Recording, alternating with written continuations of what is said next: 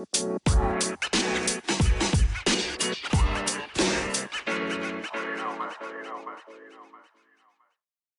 hey, super tof dat je luistert naar een nieuwe aflevering van de Positief met Pubers podcast. Mijn naam is Janneke en dagelijks beantwoord ik allerlei vragen via mail en DM van ouders die struggelen met dingen in de opvoeding van hun puber. Ik beantwoord deze vragen en in de podcast behandel ik elke aflevering een vraag met jou. Ik geef je mijn visie en ik neem je mee in mijn dagelijks leven. Mocht je dat nog niet gedaan hebben, abonneer je dan op deze podcast, zodat je geen aflevering meer mist. En als je deze podcast tof vindt, geef het dan zoveel mogelijk sterren of een positieve review. Hoe meer positieve reviews, hoe meer platforms als Spotify en Apple Podcasts deze podcast gaan aanbevelen aan andere ouders die deze podcast nog niet kennen. Daardoor kan ik groeien met deze podcast. Maar wat ik nog belangrijker vind, daardoor kan ik nog meer ouders bereiken die met soortgelijke struggles zitten als dat jij misschien zit. Je zou me enorm plezier mee doen. Dus dank je wel alvast. En nu gaan we gauw beginnen. Goedemorgen, middag, avond. Super tof dat je weer luistert. Een nieuwe Positieve Pubers podcast. Vandaag gaan we het hebben over dat jij geen controle hebt over de reactie of op de reactie van je puber.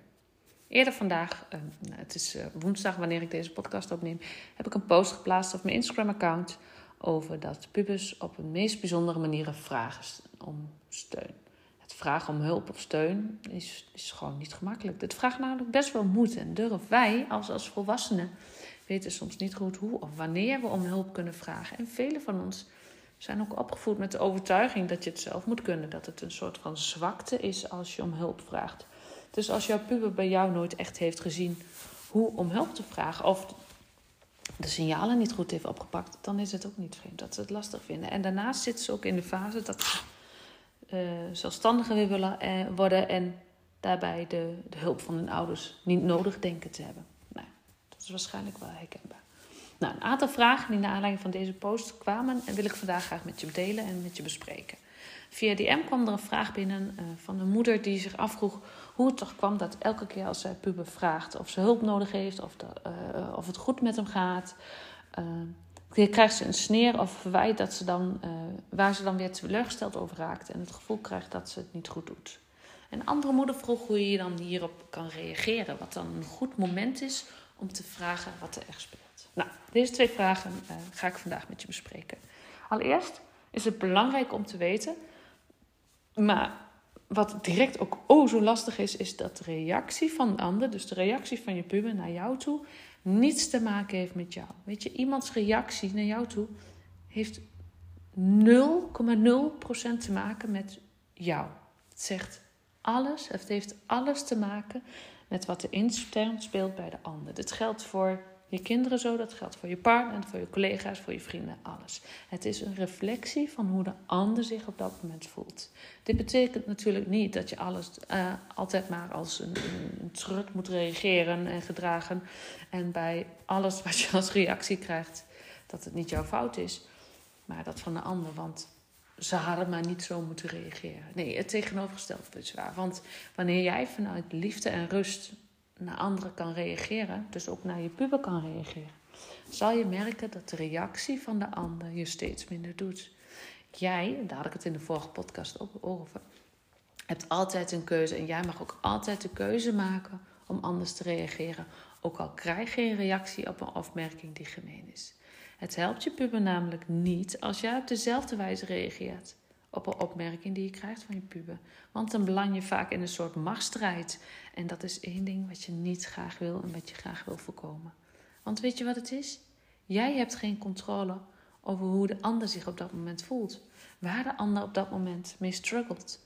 En die opmerking die je krijgt, hoe lelijk die soms ook is, zegt niets over jou, maar veel meer over degene die de opmerking maakt.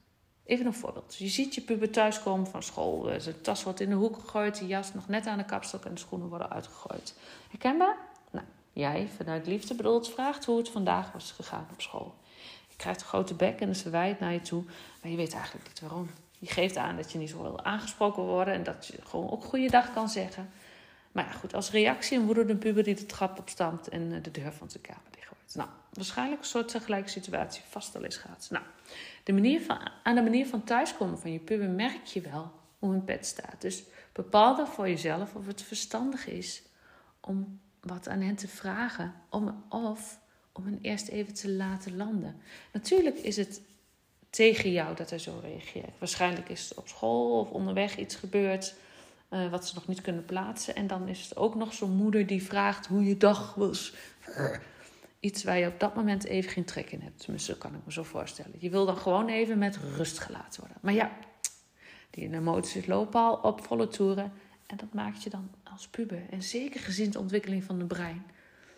Uh, dat maakt dan dat je als puber geen slimme keuzes kan maken. En dus vanuit emoties reageert. En hij is niet tegen jou, hij is niet persoonlijk bedoeld. Maar jij bent dan net die druppel en jij bent dan net de persoon die ze tegenkomen. Waar ze dan tegenuit vallen.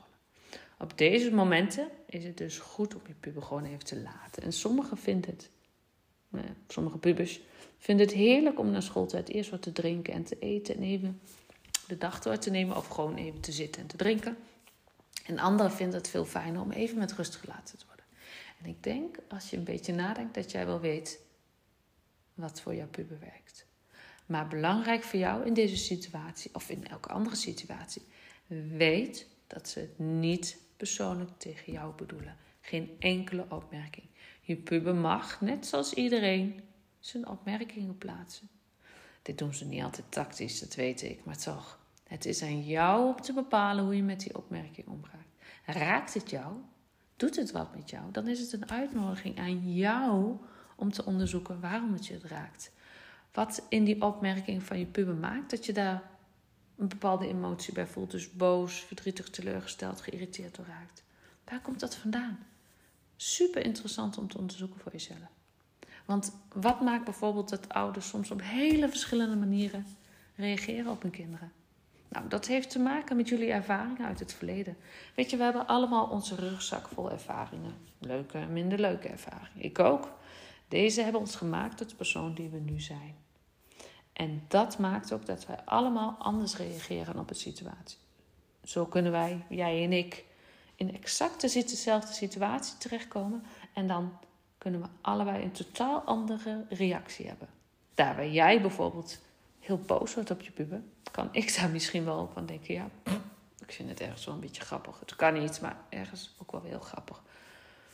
En dit betekent niet dat jouw reactie of mijn reactie goed of fout is. Dat betekent wel een uitnodiging om te onderzoeken wat dan maakt dat het jou boos of blij maakt. Wanneer je dit namelijk weet, kan je er wat mee als je dat zou willen. Klinkt het een beetje logisch en toepasbaar? Betekent niet natuurlijk dat, dat dat je puber uh, niet uh, met respect en, en nou ja, gewoon met fatsoen zijn woorden uit moet kiezen. Maar daar kun je hem in begeleiden als je, wanneer je puber in de rust is. Nou, ik hoop dat dit een beetje logisch is en dat het jou tot nadenken zet.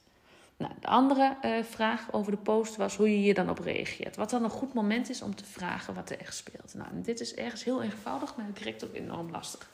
Want aan de ene kant wil je je puber het vertrouwen geven dat nou, dat hij uit zichzelf komt om te vertellen als er wat is. Aan de andere kant wil je je puber daar ook bij helpen en die signalen bespreken. Maar goed, die signalen kun je ook verkeerd opvatten vanuit jouw eerdere ervaringen. Dus wat ik dan vaak meegeef en aangeef, is als ik het gevoel heb dat er wat speelt, dat ik, zeg ik altijd, nou weet je, je mag bij mij altijd alles vertellen.